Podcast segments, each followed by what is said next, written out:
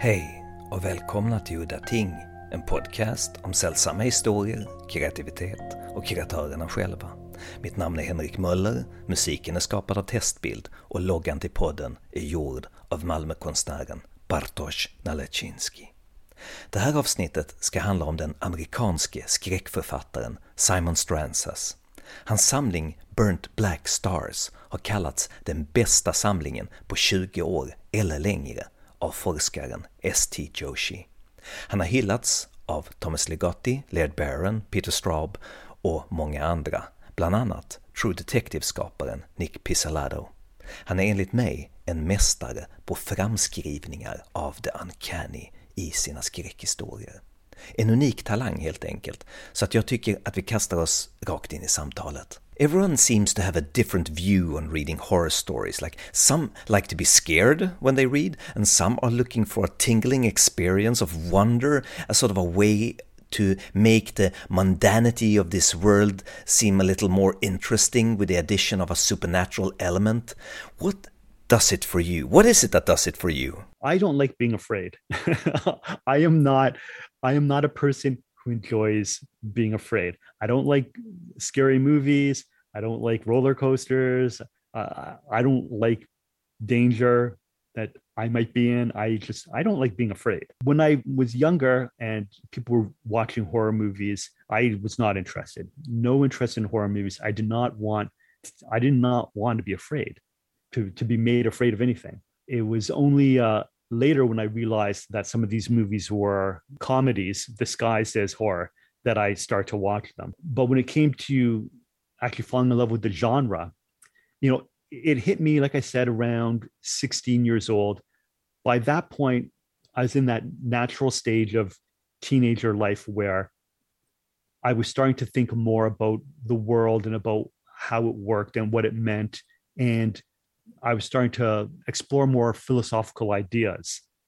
Um, so when I found horror, what I found there was a dark philosophy about how everything worked, about the machinations of the world.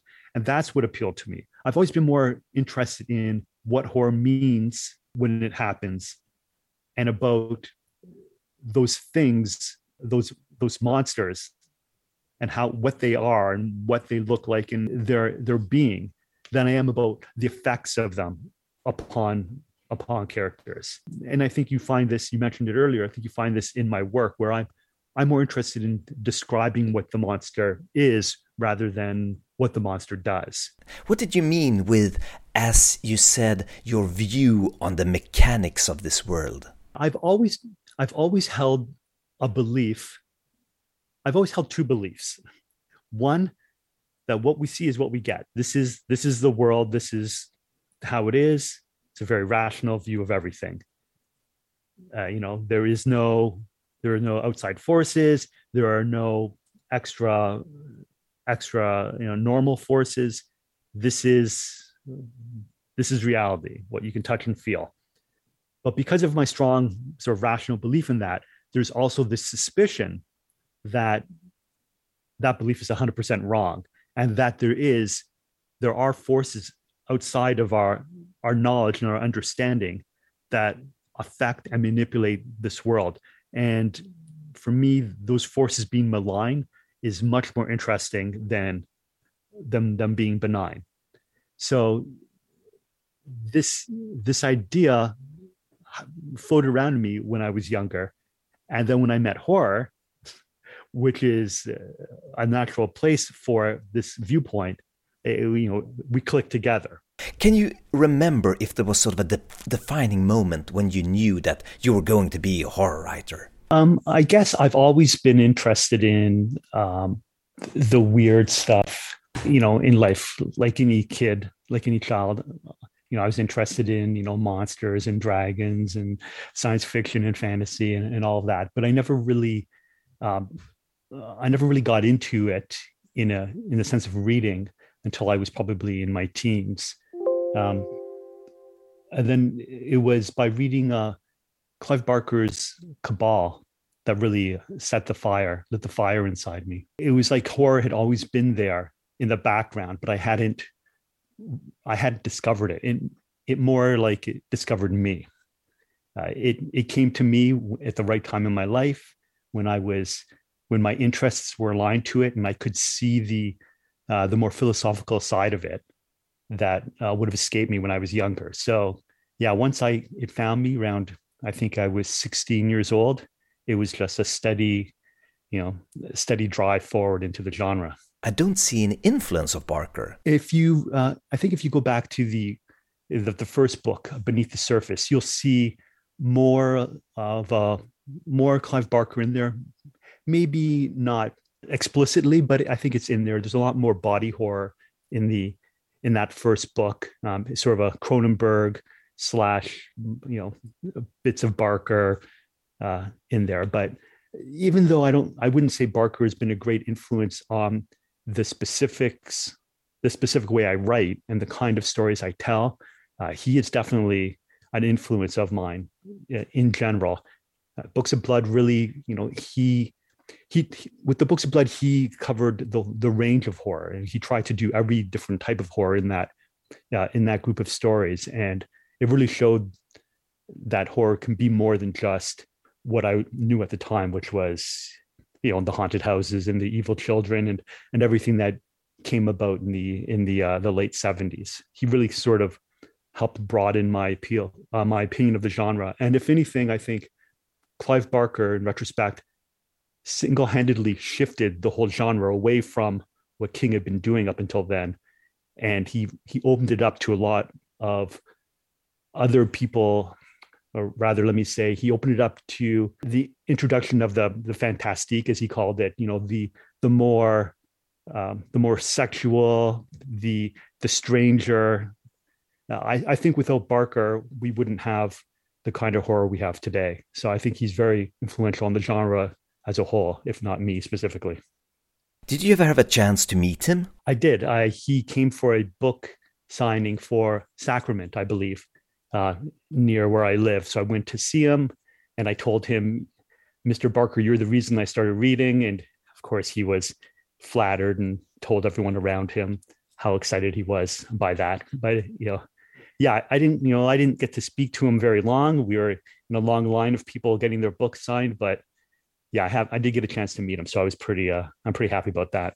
Did he know who you were? Oh no, he had this was long before I'd I'd written a story. He had no idea who I was. I think that your stories are sort of strongly grounded in the cosmic horror genre, and I guess that's what I meant. I mean, because I don't see that in Barker's work. Uh, yeah, I don't. Th- I think Clive Barker is more. He's more interested in the the fantasy side of the of uh, speculative fiction, and how that interacts with horror. Whereas I do have, you know, an interest in the more the more cosmic. So yeah, yeah, I, I would agree with you there. Do you have any favorite cosmic horror stories? I'm not the kind of reader who remembers what he reads. I remember the feeling I get from stories rather than the specifics.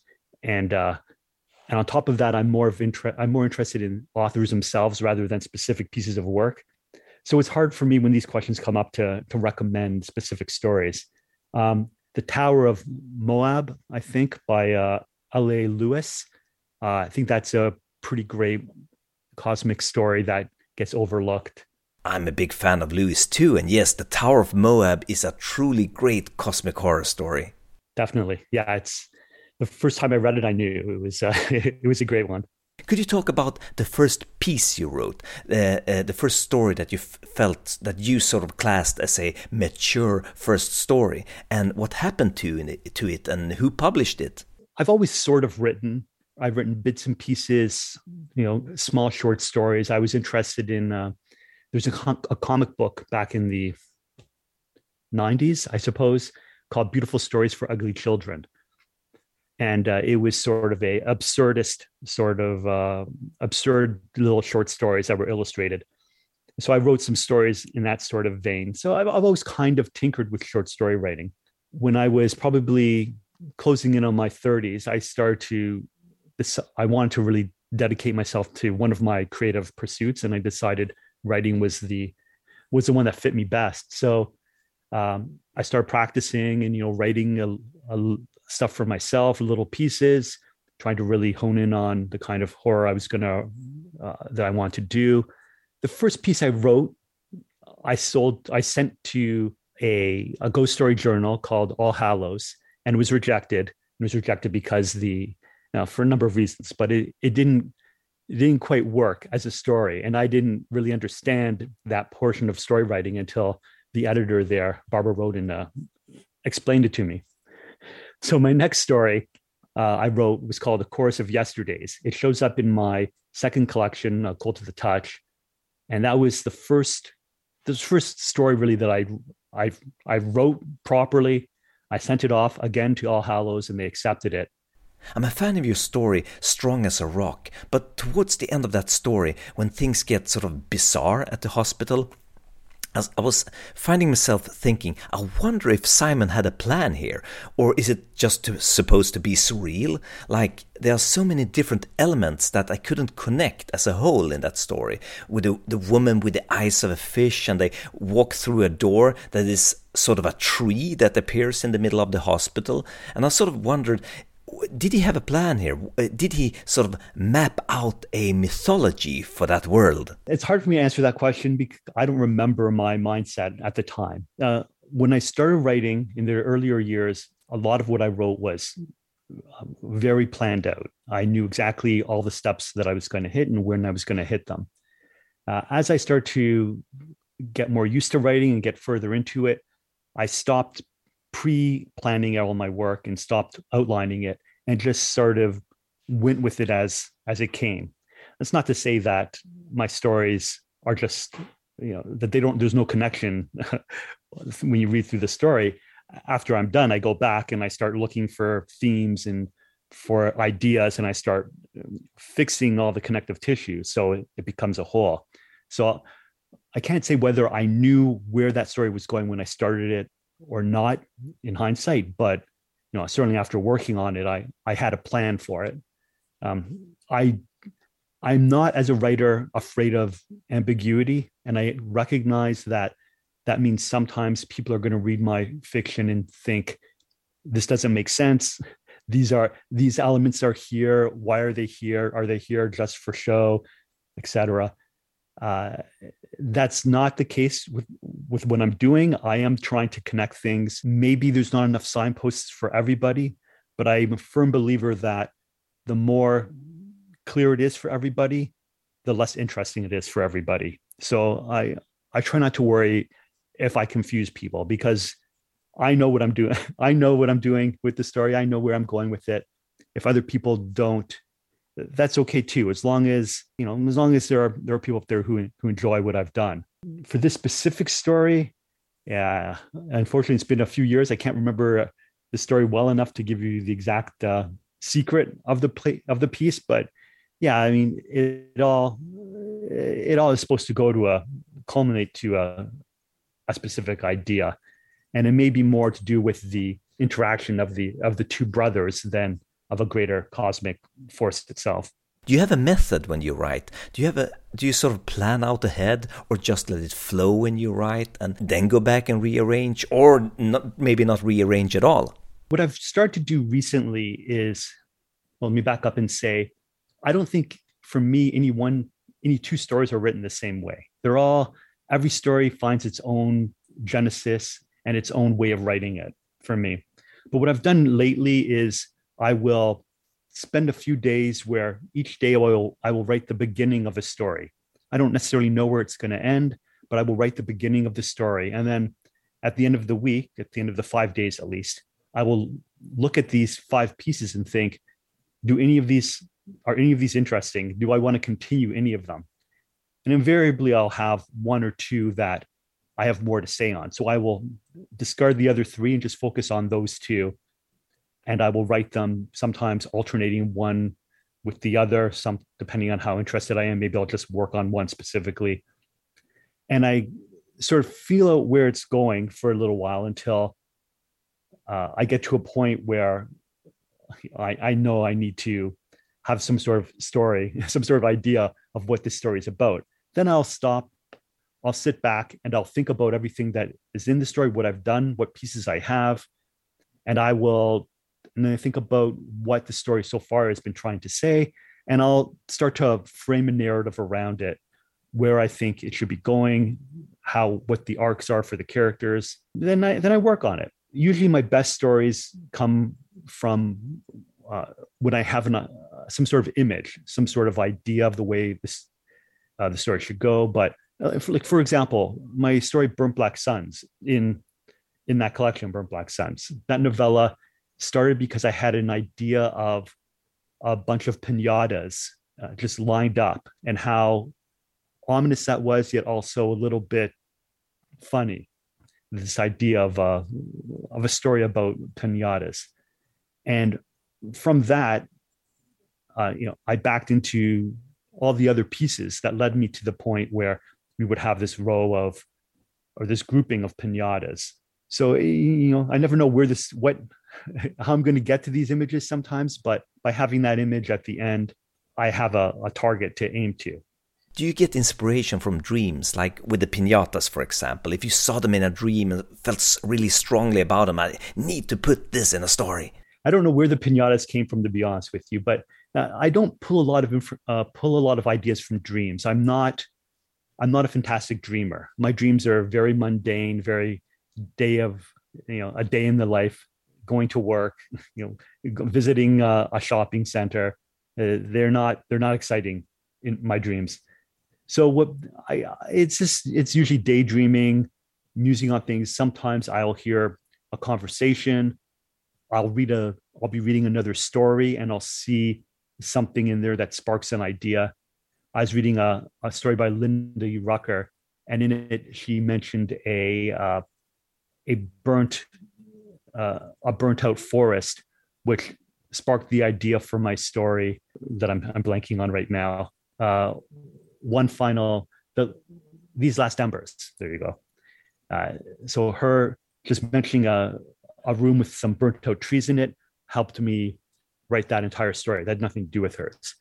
So yeah, it's just uh, you're like a magpie as a writer. You're just you you pick your ideas up from everywhere, and you just the way you synthesize them together is what makes you or your work hopefully different from your your peers. Do you write every day? And if so, is there a special time of the day that you do this? I do out of necessity because I, you know, I do work a day job as well. So, you know, there's only so many hours in the day. So I tend to write, I write in the evenings, though I think I'm more productive when I'm writing mid-afternoon. Unfortunately, I don't have the the luxury of writing mid-afternoon. Um, so yeah, so it, I try and write every day. I try to write a thousand words a day. I'm very rarely hitting a thousand words unless I'm I'm deep into a story. But I also don't beat myself up over it if I don't hit a thousand words. It's as long as you stay engaged with the piece, I think it's it's it's fine to write a, a couple sentences today, a few words tomorrow, and then you know next week you write 2000 in a row as far as I know, you've never written a novel. Do you consider yourself a short story writer? Like that is the best format, the optimal format? You know, they are, for me, a pure art form unto themselves. And it is the art form that I am interested in. I, I love the short story. I think horror works best as a short story. Nothing really longer than a novel, or sorry, than a novella. Uh, once you pass a novella point, I think horror stories become uh, hybrid stories. They be, they become children of another genre. You know, they become a, a thriller with horror in them. They become a fantasy with horror in them. Uh, they become a detective story with horror in them. I think horror itself can't really sustain itself past the novella. So this is why this is why I kind of stick in this in this area. It's I like I like them best. I, like short stories uh, better than anything. I agree that's why I argue that Stephen King isn't really a horror writer, but his novellas are more like dramas or maybe sometimes thrillers or even soap operas with the little towns with all of the people and the relationships and he has little pieces of monsters thrown in there. Now steve you know not to say stephen king has not written some great shorter horror pieces or even horror novels or novellas. His novella n uh, is fantastic. It's a fantastic cosmic horror story. And if you've never read it, I, I strongly recommend reading it. It's uh, it's one of the best. I believe it's in just after sunset. The Mist, The Mist is a great novella but in term, but N is more of a classic, weird, cosmic novella. I think, uh, yeah, I think you you'll appreciate it. And if you don't, you can. Uh, I'll give you your money back. Have you ever been frightened by a story that you read? Very rarely, you know, frightened by by written horror stories. Um, I don't think most people are. But you know, the, the one that stands out to me, the one that um, I was probably the most afraid of at the time was a novel, a novel by the writer Simon Maginn called Sheep. What scared me most was the uh, I'm not going to say the, the, the novel is a frightening novel, but there was one moment of of dread in the story where the you know the sheep and their dead eyes are out in the in the field in the English countryside. It's a story of a, a couple who've lost a child due to uh, a, an accident, a drowning accident, and they move to a small farm in uh, somewhere in Wales, and their neighbors become stranger and stranger. And yeah, I don't remember all the details of the of the novel. I wrote it a long time. I read it a long time ago. But yeah, there was a there was a moment in there where I was reading it. You know, it was at night. The lights are the the lights are down, and the the feeling of dread and ominousness in the story just really affected me. When I when I closed the pages, I was still carrying that with me, and I you know I still I still remember that because it's so rare for it to happen. I'll back up to what you just said and and talk a moment about mundanity and horror because I do think that horror uh, requires a sense of the of the real to to base itself on. I think it's very hard to write a horror story that's not set in the real world that remains a, horror story because we need that that grounding of the familiar to show us what the uh, the other is to to contrast that other so when we get that invasion from the outside or from within or, or from the universe itself, uh, we have to have, as a reader, we have to understand what the rules of the world are. So we understand how this supernatural force is is breaking those rules. You you put horror into a, a fantasy story where you already don't understand the world it has to be explained to you. Uh, the horror itself, when you encounter it, you don't know whether this is breaking the rules of how this world works. You don't know why you should be afraid of it. So uh, I think a lot of people, when they read horror, the, the horror that affects them the most is that horror grounded in in the real world. There's been horror stories that I've read that you know uh, what appeals me most about horror stories are the are the, the writers and and the prose more so than the ideas. I mean, obviously the ideas are are important to me, but it's it for me it's it's really how well the stories are written that really they get to me.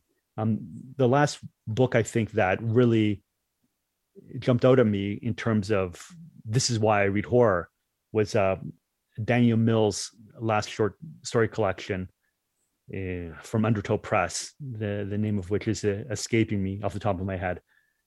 Um, Among the Lilies, there you go. Among the Lilies. Uh, and that's because Daniel has this understanding of of prose that comes from an older from his reading of of older authors from the more of the Edwardian and even the the the post 20th century or post 21st century uh, authors. So he's able to synthesize this sort of understanding of the classics of ghost stories into uh, a modern a modern setting, which is uh, something a lot of writers, I, I, feel like, in this generation uh, have forgotten because their their understanding of the genre, their history of it, really only extends from the 70s forward. But by going back and reading the earlier writers, he's able to uh, bring back, resurface ideas and concepts that some of the more contemporary authors have forgotten. I know that Nick Pizzolatto, the creator of True Detective, has praised your stories, and I know that Laird Barron had email contact with him. Did you have any contact with him? I I had some brief um, some brief conversations with him back before you know, True Detective was aired. Obviously, because he he, um, he read the book and he he gave me a blurb for my third collection, Nightingale Songs so I mean, I did have some some back and forth with him.